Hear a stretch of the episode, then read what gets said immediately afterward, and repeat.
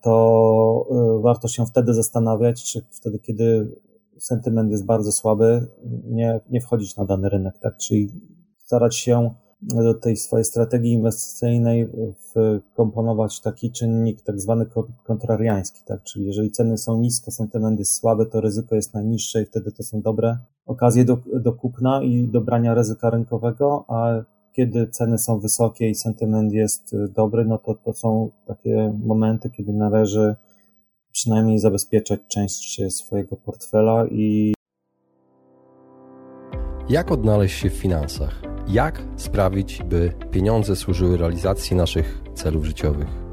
Na te oraz inne pytania odpowiadają goście podcastu Po o pieniądzach, którego partnerem jest General Investments TFISA i który mam zaszczyt prowadzić.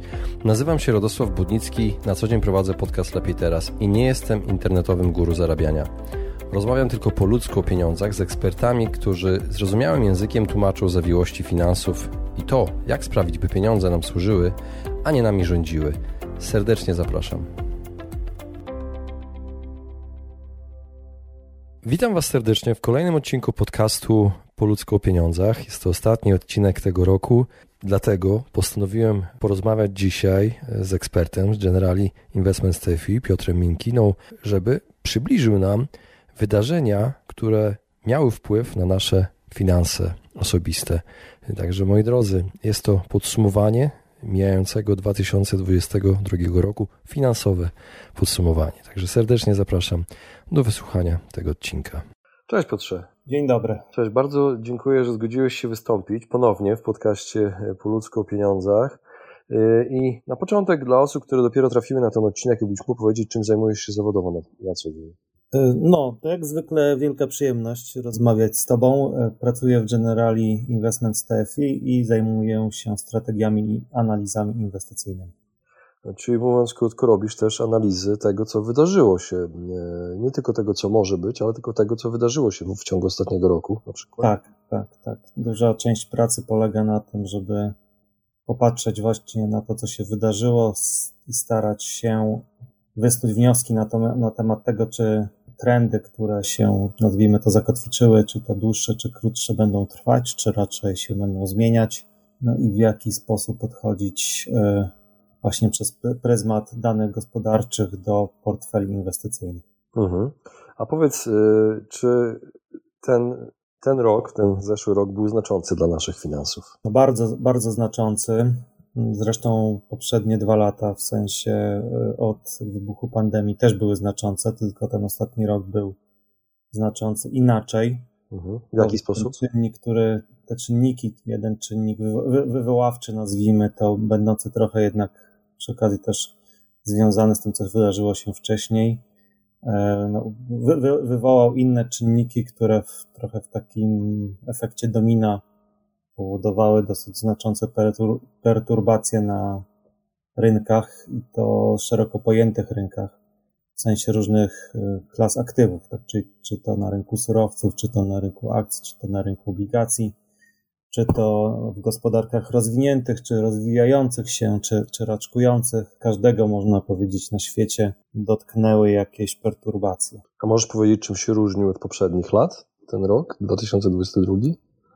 był bardzo, bardziej, e, nazwijmy to, wymowny, dlatego że e, takim czynnikiem, który zaczął odgrywać e, bardzo znaczącą rolę, to była inflacja, która wcześniej, powiedzmy sobie, była dosyć uśpiona i nie powodowała zmartwień inwestorów, nie powodowała zmartwień banków centralnych, nie powodowała zmartwień rządzących. Ona się w jakimś stopniu obudziła w 2021 e, roku, po tym okresie, jak zaczęliśmy wychodzić z pandemii, w sensie popyt zaczął wychodzić z pandemii, a podaż, czyli niedobory surowców, niedobory produktów, niedobory komponentów temu popytowi niezbyt dorównywały, stąd, stąd mieliśmy podwyższone albo rosnące e, poziomy inflacji. Natomiast z perspektywy tego, co się stało z inflacją w 2022, a po 2021 te poziomy były stosunkowo niskie. Natomiast jakby wojna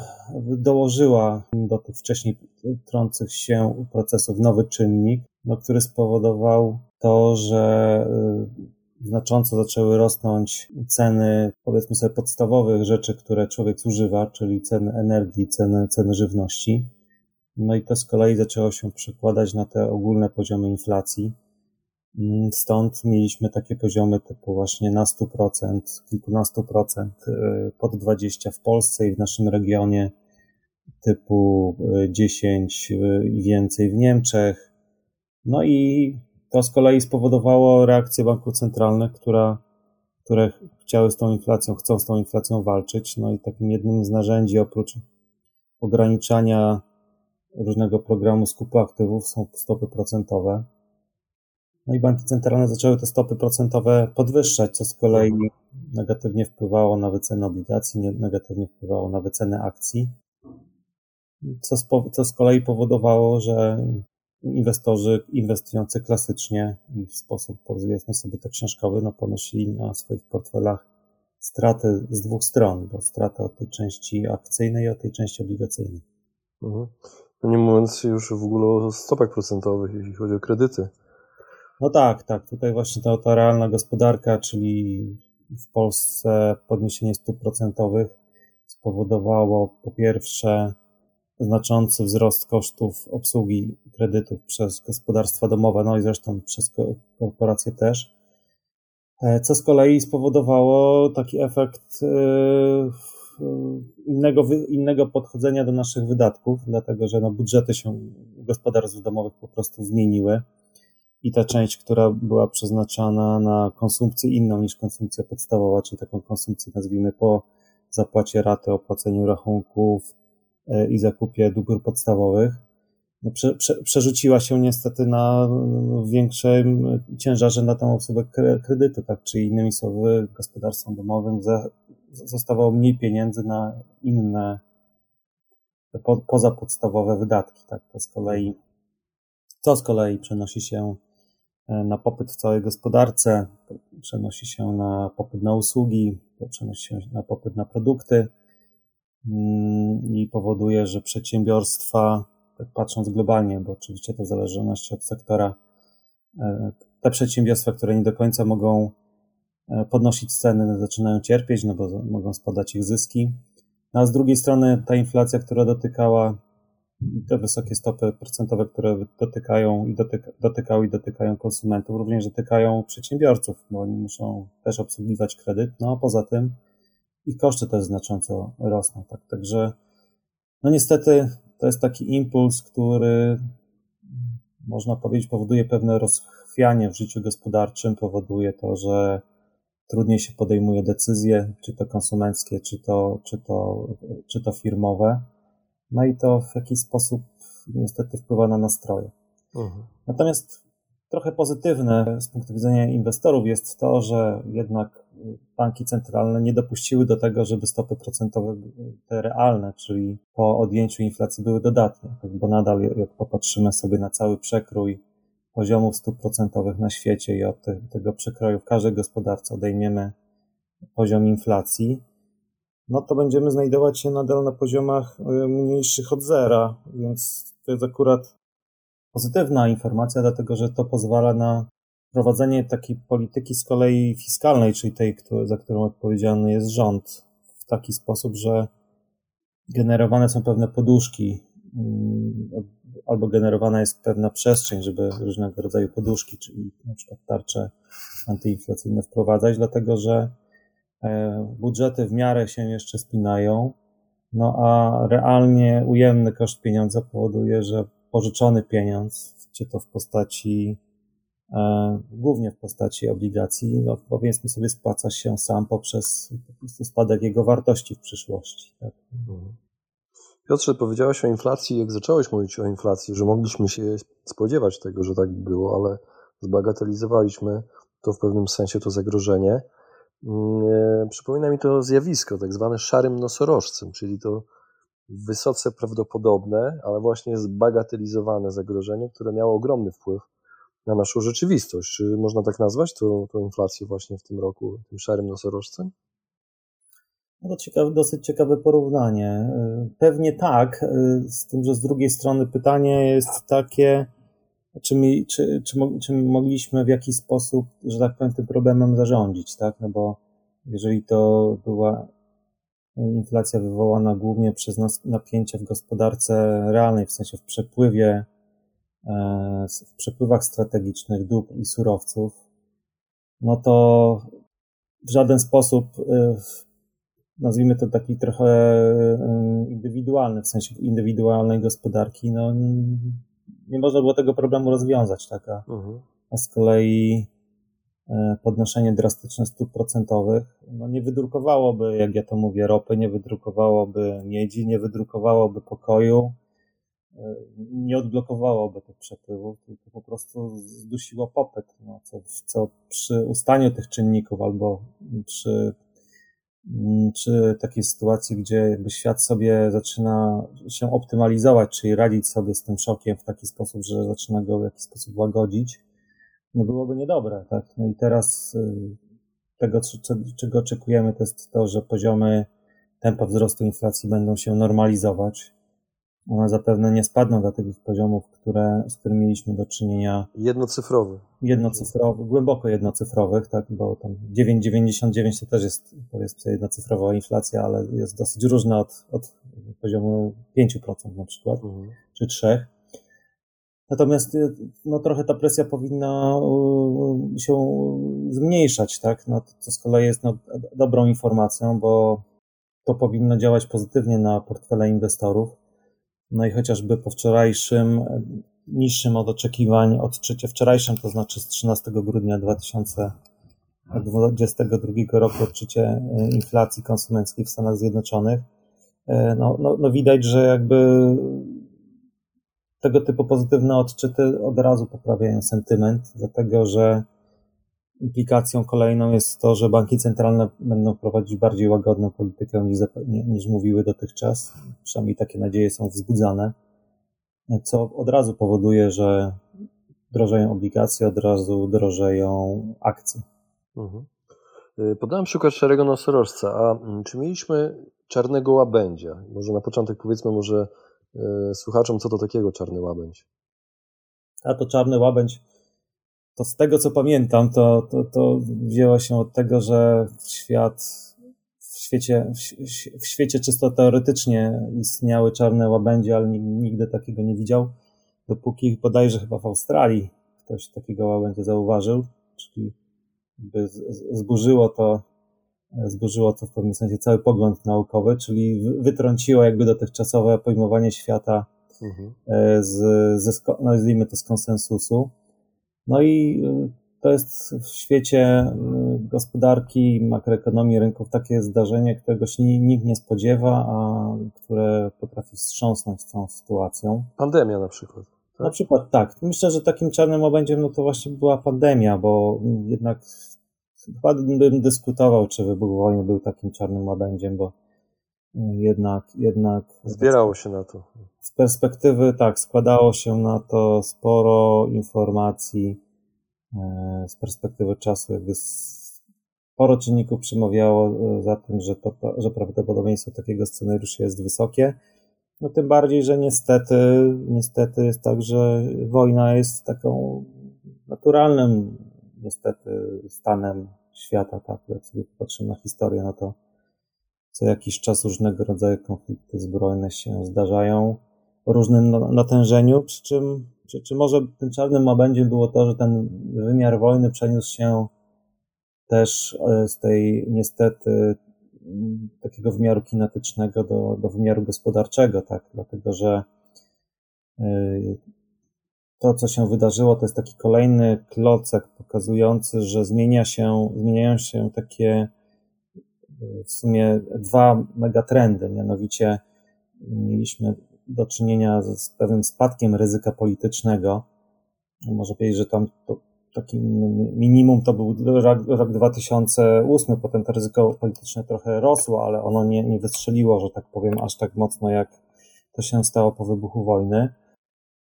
A z kolei ryzyko polityczne powoduje, że uwypuklają się e, różnice w e, polityce, które, które z kolei są pokłosiem różnicy w interesach. No a to powoduje brak zgody i mniejszą możliwość dogadania się między państwami. A to z kolei powoduje, że świat zaczyna się dzielić na bloki, a to z kolei powoduje, że, że zmienia się trend w postaci globalizacji, z którą mieliśmy do czynienia w kierunku bardziej właśnie deglobalizacji, tak? czyli w, kierunkach, w kierunku takim, że już tłumacząc na bardziej praktyczne zastosowanie, będąc y, jakimś tam mniejszym czy większym przedsiębiorcą, y, widząc co się działo z moimi łańcuchami dostaw, gdzie kluczowe komponenty były fabrykowane, y, produkowane gdzieś daleko, zaczynam się zastanawiać, czy nie lepiej dla, dla tego, żeby mój biznes się cały czas funkcjonował, jest to, żeby Y, tą produkcję tych kluczowych elementów przybliżyć, tak? czyli przenieść ją bliżej y, rynków zbytu albo przynajmniej bliżej miejsca, gdzie te finalne produkty są produkowane. Mhm. Tak, no, co powoduje z kolei właśnie, będzie pewnie powodować pewną falę reindustrializacji, która już się rozpoczęła. E, no to z kolei będzie też generowało nowe możliwości, ale to z kolei też będzie generowało to, że pewna presja na zasoby w postaci kapitału ludzkiego, no bo trzeba mieć pracowników tutaj lokalnie, czy też e, kapitału związanego z infrastrukturą, no bo trzeba tą fabrykę e, zbudować, z czegoś ją zbudować, czyli z kolei presja na surowce, to będzie powodowała, że właśnie nie należy spodziewać się bardzo mocnego spadku tempa inflacji, w sensie do, do poziomów niskich, jednoprocentowych, Oczywiście pod warunkiem, że nie będziemy mieć jakiejś bardzo głębokiej recesji, tak, no bo gdyby tak się stało, no to ten popyt globalny, czyli to, jaka jest siła konsumentów, producentów do tego, żeby nabywać, jeżeli ona drastycznie spadnie, no to nie ma siły, te ceny też będą musiały spaść. No ale na razie to, to by było super, to by było czarnym łabędziem na przyszłość, tak, mm. ale na razie, na razie e, tego czarnego łabędzia nie widzimy. Aczkolwiek ja... trzeba go mieć z tyłu z głowy i obserwować sytuację. Pamiętam takim czarnym łabędziem, pamiętasz, było to e, zakorkowanie kanału sueskiego przez jeden tankowiec. A, tak, tak. Pamiętam, że właśnie łańcuchy dostaw dokładnie zostały zakłócone e, z Azji do Europy. Tak. Więc to było coś Zresztą takiego. to jest też przy okazji, jeżeli popatrzymy sobie na cenę transportu morskiego między kierunkami właśnie Chiny, Stany Zjednoczone, Chiny, Europa, to one po pandemii drastycznie wzrosły, właśnie ze względu na to, że e, popyt na, na towary e, chińskie i obrót handlowy z państwem środka był bardzo wysoki, no ale brakowało jakby mm, mocy, żeby ten handel obsłużyć, mocy w szerokim rozumieniu, bo to były i blokady portów, tam część kontenerów zamiast być w obrocie, no to tkwiła na statkach, bo się te porty korkowały i tak dalej, i tak dalej. Natomiast ostatnio obserwujemy w sumie drastyczny spadek cen transportu y, właśnie w tych destynacjach, no co, co pokazuje, y, a, a z kolei transpo, ceny transportu na, na kierunkach atlantyckich się utrzymują y, na wysokich poziomach, nawet gdzie niegdzie rosną, no co pokazuje jakby przestawienie się światowego handlu zupełnie na różne kierunki, co jest z kolei e, symptomem tego, co wcześniej powiedziałem, czyli tych napięć politycznych, no i napięć w całym, nazwijmy to, procesie globalizacji. No wiesz, Chiny nie wiem, czy nie, nie stają się mało wiarygodnym partnerem przez to, że blokują te porty. Szanghaj przecież był przez miesiąc zablokowany. Można było zobaczyć na redzie stojące setki statków nierozładowanych, które nie mogły też wypłynąć. Yy, wiele komponentów nie dotarło do Europy, co potem słyszałem właśnie w salonach chociażby samochodowych, że chipy nie dojechały, czy coś takiego do fabryk. Dlatego nie ma, brakowało samochodów przez jakiś czas na rynku. Nie wiem, czy słyszałeś o tym. Tak, tak, tak, tak. Tak, no to, no to jest właśnie to, tak, czy, czy można polegać na fabryce, która gdzieś jest tam daleko w systemie politycznym, który może robić różne numery, czy... Tak, zamknąć miasto całe. Tak, czy, czy po prostu sobie z tym problemem nie poradzić, przynajmniej częściowo się uniezależnić. Tak? Mhm. Przejdźmy do oszczędności. Jak ten rok wpłynął na nasze oszczędności, podejście do oszczędzania? No, byliśmy przetrenowani trochę pandemią, no, bo wysoka zmienność, y, która, która y, była w pandemii, no, dosyć mocno zszargała nerwy. Te nerwy inwestorów oczywiście w tym roku były również wystawione na, na, na pewną, na dosyć dużą próbę.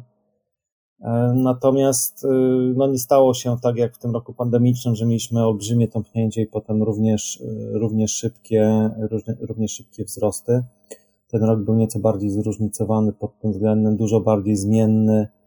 E, te cykle wzrostów, spadków na giełdach czy, czy na rynku obligacji były krótsze, e, więc no, myślę, że poziom emocji, poziom emocji znacznie wzrósł. Tak?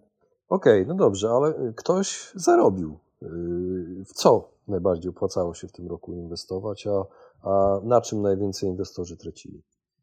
No to tutaj y, na to pytanie należy odpowiedzieć przez y, jakby pryzmat po pierwsze y, zysków nominalnych, nazwijmy to tak, czyli odłączonych od ryzyka. I tutaj, jeżeli chodzi o takie globalne klasy aktywów, no to, no to rynek surowców, patrząc, licząc w złotówce, od początku zeszłego roku, od, od, przepraszam, od początku tego roku, czyli od końcówki zeszłego roku dało zarobić w okolicach 25%. Mhm. E, natomiast e, co ciekawe, na przykład rynek turecki pozwolił zarobić około 200, co też jest dosyć wow. dużym ewenementem. Natomiast takie rynki klasyczne, typu polski rynek obligacji, polski rynek akcji, amerykański rynek akcji światowy, no to raczej to są stopy zwrotu ujemne, licząc od początku roku.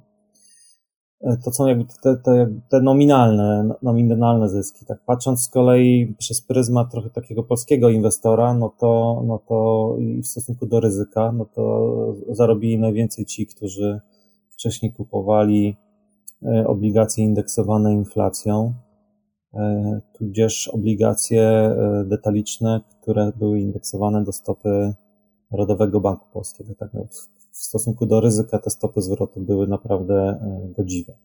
Piotrze, i na koniec ostatnie pytanie. Jakie lekcje inwestowania przekazał nam ten rok? O czym warto pamiętać na przyszłość? Taką główną lekcją, którą nam przekazał, to jest to, że rynek może być bardzo mocno wymagający E, bardzo szybko mogą zmieniać się nastroje i strategią do radzenia sobie w takich sytuacjach jest granie przeciwko temu, co czujemy, tak? Czyli jeżeli mamy euforyczne wzrosty, to, to należy y, w takich, w takich warunkach, które mamy teraz, mocno się zastanawiać, czy, czy to są bardziej poziomy do wychodzenia, czy do wchodzenia w inwestycje, czyli bardziej do wychodzenia Natomiast jeżeli po tych wzrostach mamy drastyczne albo silne spadki, e, to e, warto się wtedy zastanawiać, czy wtedy, kiedy sentyment jest bardzo słaby, nie, nie wchodzić na dany rynek, tak? Czyli starać się do tej swojej strategii inwestycyjnej wkomponować taki czynnik tak zwany kontrariański, tak? Czyli jeżeli ceny są nisko, sentyment jest słaby, to ryzyko jest najniższe i wtedy to są dobre okazje do, do kupna i do brania ryzyka rynkowego, a kiedy ceny są wysokie i sentyment jest y, dobry, no to to są takie momenty, kiedy należy przynajmniej zabezpieczać część swojego portfela i y, włączać sobie wyższe, wyższe, tak, wyższą ostrożność, tak? Mhm. Y, dowodem tego na przykład był polski rynek obligacji, tak? kiedy, kiedy rentowności bodajże w październiku sięgały na 10 latach 9% i sentyment był bardzo słaby. E, wielu bardzo mocno wątpiło w polskie obligacje, uważało, że to już jest koniec, że zaraz będziemy mieć 10% na rentownościach. Tymczasem ile to? 3, 2,5 miesiąca, to w sumie 2 miesiące minęło od tamtego czasu, a nasze rentowności są na poziomie 6,30, tak, czyli spadły o 2,7 punktu procentowego. Więc jakby to, to są troszeczkę dowody no, na, na, te, na tego typu, przynajmniej pomyślenie o tego, tego typu strategii, e, w, patrząc sobie na nasze inwestycje. Oczywiście ta sama strategia mm, no, ma doskonałe zastosowanie, jeżeli chodzi o ekspozycję na akcje, na rynki akcyjne, patrz, myśląc o indeksach, ale też na akcje, myśląc o pojedynczych spółkach. No i warto w tym swoim instrumentarium inwestycyjnym właśnie patrzeć na te wskaźniki sentymentu i i działać troszeczkę kontrariańsko, przynajmniej na części portfela, tak bardziej nazwijmy to strategicznie. Tak. To jest jakby pierwsza lekcja. Druga lekcja jest taka, że mm, pewnie długofalowo, czyli bardziej w podejściu strategicznym, ta, ta dywersyfikacja e, naszego portfela i próbowanie przełączać, przełączania się między różnymi klasami aktywów w ramach tak zwanego modelu rotacji aktywów, czyli patrzenie sobie, jakie mamy tendencje w PKB, jakie mamy tendencje inflacji e, i e, alokowania zgodnie z, w przybliżeniu z tym modelem, wybierając przy okazji te taktyczne, te momenty e, taktyczne do wejścia właśnie na, na poziomie tego, tego kontrariańskiego podejścia, no to, no to to jest taka lekcja, która pozwoli, pozwala jakby bardziej spokojnie myśleć o swoim portfelu w długim terminie, a w krótkim terminie podejmować rozsądne pod kątem ryzyka taktyczne decyzje. Piotrze, te analizy, które teraz opowiedziałeś o nich, y, mhm. można znaleźć gdzieś na stronie, tak? Wprost nie, nie, nie, nie robimy takich analiz y, wprost. Y, no, publikujemy na stronie coś takiego, co się nazywa przegląd tygodnia, a także publikujemy o to mi chodzi mm, komentarze zarządzających, które jakby trochę ma, nas mogą naprowadzić na temat tego, co myślimy o danej sytuacji właśnie w kontekście w kontekście danych makroekonomicznych. Ja tutaj oczywiście Państwa zapraszam na stronę. Ostatnio pojawił się komentarz Krzysztofa Izdebskiego, który właśnie traktuje o tym, w jaki sposób spadające tempo inflacji powinno pomagać obligacjom. Jakieś podpowiedzi dajemy, no ale z drugiej strony dałeś mi podpo- ciekawą podpowiedź, Radko, że można właśnie, może właśnie sięgnąć e, po tego typu analizę i spróbować dla naszych klientów taką analizę, gdzie jesteśmy w cyklu koniunkturalnym i jakie klasy aktywów powinny być względnie lepsze od innych przygotowywać. W takiej wersji lub wersji podcastowej, do której wersji zapraszam zawsze. W wersji podcastowej, dokładnie. Super, Piotrze, bardzo Ci dziękuję za rozmowę. Również dziękuję. Właśnie wysłuchaliście podcastu Po ludzku o pieniądzach. Mam nadzieję, że Wam się podobało.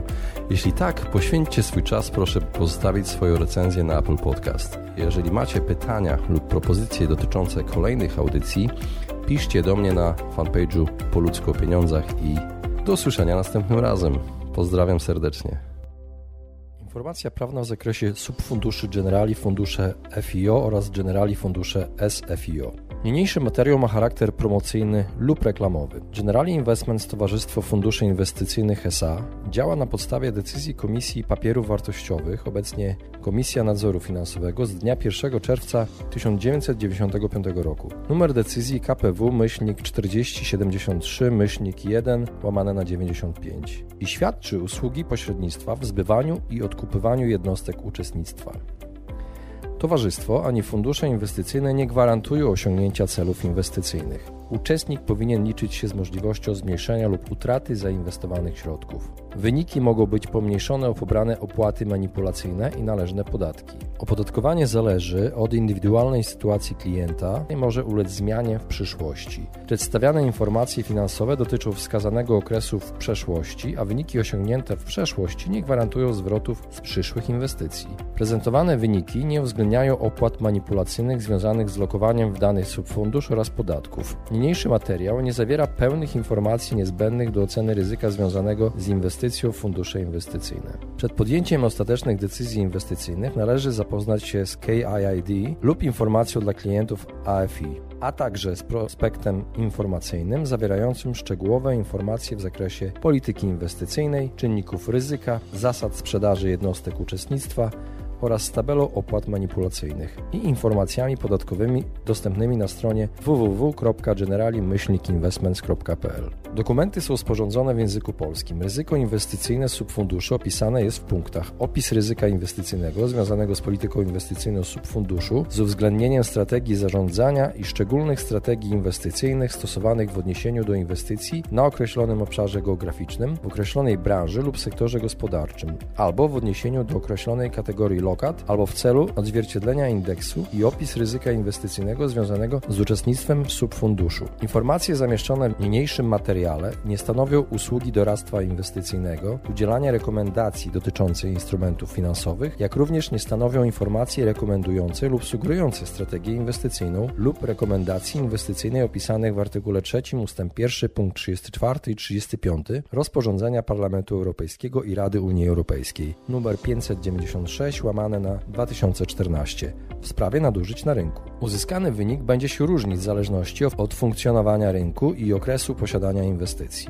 Duża zmienność wartości aktywów netto, generali akcje małych i średnich spółek, generali akcje wzrostu, generali akcji rynków wschodzących, generali korona akcje, generali korona zrównoważony, generali stabilny wzrost, generali surowców, generali akcji, megatrendy, generali fundusze FIO oraz generali obligacje aktywne. Generali obligacje globalne rynki wschodzące, generali złota, generali euro, generali akcji amerykańskich, generali akcji europejskich, generali akcji ekologicznych, w generali fundusze SFIO. Możliwe lokaty ponad 35% wartości aktywów. Generali korona dochodowy, generali akcji megatrendy, generali korona obligacje, generali stabilny wzrost, generali korona zrównoważony, generali złota, generali aktywny dochodowy, SGB dłużny, generali akcji europejskich. Generali akcji amerykańskich w papiery wartościowe emitowane, poręczane lub gwarantowane przez Skarb Państwa oraz Narodowy Bank Polski, a w przypadku generali dolar, generali konserwatywny, generali surowców, generali akcji megatrendy oraz generali oszczędnościowy, także papiery wartościowe emitowane, poręczane lub gwarantowane przez Australię, Austrię, Belgię, Bułgarię, Cypr, Czechy, Danię, Estonię, Finlandię,